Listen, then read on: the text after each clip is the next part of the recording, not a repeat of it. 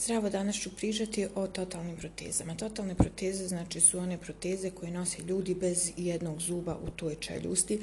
Totalna proteza može biti kombinovana sa nekom parcijalnom protezom ili sa svim čak zubima, znači sve moguće kombinacije postoje izrada totalnih proteza, odnosno način na koji je ona pričušena kako funkcioniše u gornjoj, odnosno u donjoj čeljusti, se razlikuju. Da bi proteza bila funkcionalna, potrebno je više faktora. Jedan, je, dva najbitnija faktora su retencija i stabilizacija. Retencija je znači, sposobnost proteze da ostane na svom mjestu, bez obzira na sve što se deša u ustima, žvakanje, govor i tako dalje, a stabilizacija je e, njena sposobnost da ona ostane, da, da se ne pomjera, znači da se ne pomjera u horizontalnoj ravni, u stranu i tako dalje. Um, proteze uh, u gornjoj vilici su e, malo drugačije od onih koji se prave za donju vilicu, totalne proteze. A, totalna gornja proteza e, ostaje na svom mjestu najviše zahvaljujući razlici u pritisku ispod baze proteze u odnosu na pritisak zraka koji se nalazi u ustima koji je veći i ta razlika u pritisku stvara silu koja pričušćuje protezu na njeno ležište. E, taj način retencije gornje totalne proteze je osnovni način retencije gornje proteze, dok u donjoj vilici e, situacija je nešto drugačija. E, u donjoj vilici baza proteze, odnosno rub baze proteze, je u kontaktu sa brojnim mišićima, sa mišićima dna usne šupljine, jezika, mišićima obraza i usana. E, iz tog razloga e, ta, e, ta razlika u pritisku se gubi, odnosno pritisak ispod proteze se izjednači sa pritiskom zraka u usnoj šupljini kada dođe do pomiranja mišića i njihovih tetiva, odnosno kad se oni kontrahuju, kad se oni, znači, kad počne djelovanje nekog mišića prilikom žvakanja govora, mimike, ne znam, pomiranje jezika i tako dalje, baze prilikom gutanja i tako dalje.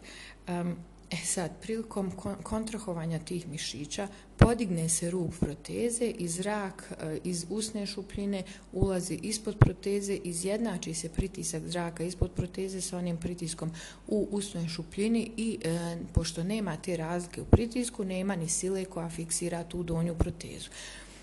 E sad, kad se izrađuje donja totalna proteza, taj učinak, mi to zovemo ventilni učinak, to je u stvari razlika u pritisku ili um, kao neki vakum, a da ispod proteze i nije potpuni vakum, to se može postići samo u laboratoriji.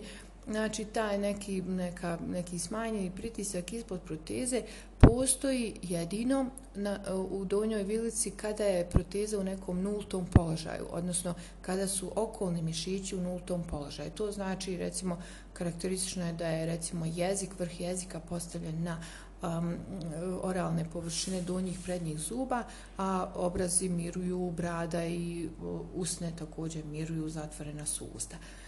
A, međutim, svaki put kad pacijent nešto žvače, govori, guta, a, taj nulti položaj, znači nulti položaj je samo jedan i to je a, manji dio vremena u toku dana i prote, proteza će provesti u tom nekom nultom položaju. A, ili neki veći dio dana sa sve zavisi da li osoba jede, priča i tako dalje. E, pošto proteza, e, e, stabilnost proteze znači je izgu, e, pošto retencija e, putem tog te razlike u pritisku e, se ne može postići u većini E, slučajeva, odnosno većinu vremena, potrebno je nešto drugo da stabilizira e, donju protezu, odnosno da je retinira. E, to nešto što je retinira, to su e, mišići, okolne, znači mišićne strukture, iste one koje dovode do toga da se pritisak izjednači i koje, znači, onemogućavaju retenciju proteze pomoću razlike u pritisku zraka. Ti mišići će djelovati na um, E, bočne strane proteze, na krila proteze, na zube i tako dalje. I ta krila proteze se posebno oblikuju na taj način da ona pogoduju tome. Znači, uključuje se mišići, e, počinju da se kontrahuju, one se prilagođavaju proteze i oni nju, znači svoj, svojim djelovanjem mišići ponovo vrate protezu na njeno ležište, odnosno pridržavaju je. E, isto tako kad pacijent zagrize, on dovede zube u okluziju, e, dolazi također do, do e, smanjenja pritiska ispod proteze i pojavljuje se opet taj učinak razlike pritiska, odnosno stvaranja te sile razlike pritiska. Um, znači, e sad, ukoliko je pacijent ranije nosio neku drugu protezu ili nije uopšte nosio protezu, uh, on znači uh, nije navikao da, da radi te pokrete.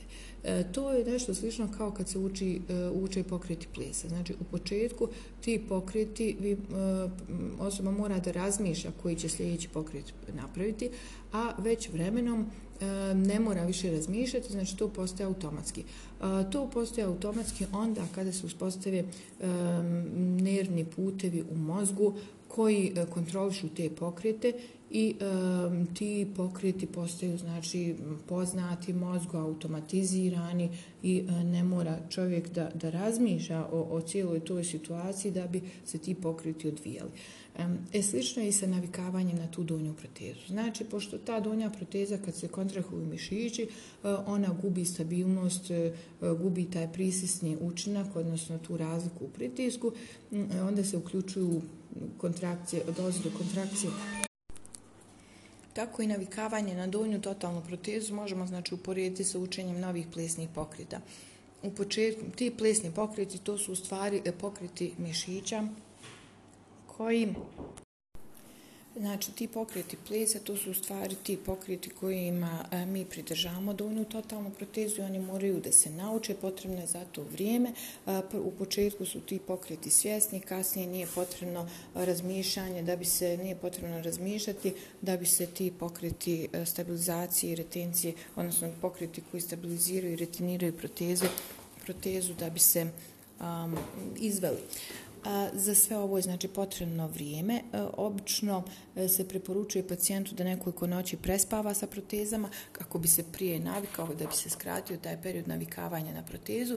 Um, također preporučuje se u početku da nosi protezu što više i uh, preporučuje se u početku isto tako da ne bi došlo do pojave uh, oštećenja sluznice, takozvanih žuljeva uh, od proteze. Preporučuje se da se koristi neka pasta, uh, zaštitna pasta za, um, za sluznicu, uh, kondicionirajuća pasta. To su obično one korega paste razne. Znači imate korega fix, sensitive, strong, a imate i korega Omega e, komfort, ona se čak najviše, to je najnovija neka e, pasta koja se koristi e, da bi pacijentu povećao komfor nošenja proteza.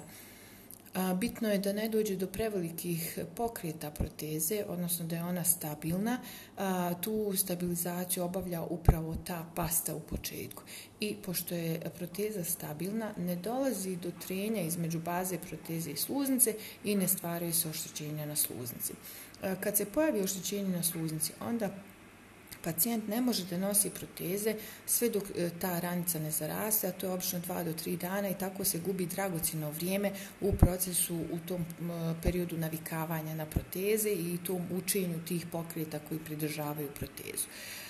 Zbog toga je važno da se koriste te neke zaštitne paste, Eh, bilo da su te koje se prodaju mm, ovaj kao mm, za fiksaciju proteze, bilo one koje povećavaju komfort prilikom nošenja totalnih proteza. Eh, Eto, to je to što se tiče znači, e, proteza. Ukoliko se pojave ti, ta oštećenja, proteza ne smije da se nosi nekoliko dana, sve dok to ne zaraste. Epitalizacija će se postaći a, e, sa unim rastvorom A vitamina, sa nekim a, čajevima, recimo raslađenim čajem od žalfije ili sa nekim blagim antisepticima. A, šta pacijentu isto tako preporučujem, nakon što dobije nove totalne proteze, da vodi računa o ishrani, da ne jede previše tvrdu i žilavu hranu, a isto tako ne ljepljivu. E, hrana treba biti mekša, znači to su razne vrste tistenina. E, to je ono što bih, što bih izdvojila, e, znači mehanizam, znači način na koji trebamo prvo razumjeti kako, šta je proteza. Znači proteza je u stvari samo jedno pomagalo. Ona sa protezom nikada nećete imati e, isti osjećaj kao sa svojim zubima. Proteza je jednostavno tijelo koje je pokretno, tijelo u pokretu. Vi kažvačete, govorite, ona će se pomicati, bilo da je gornja, bilo da je donja, s tim što se donja puno više pomiče. Eto, to bi bilo to. Ćao.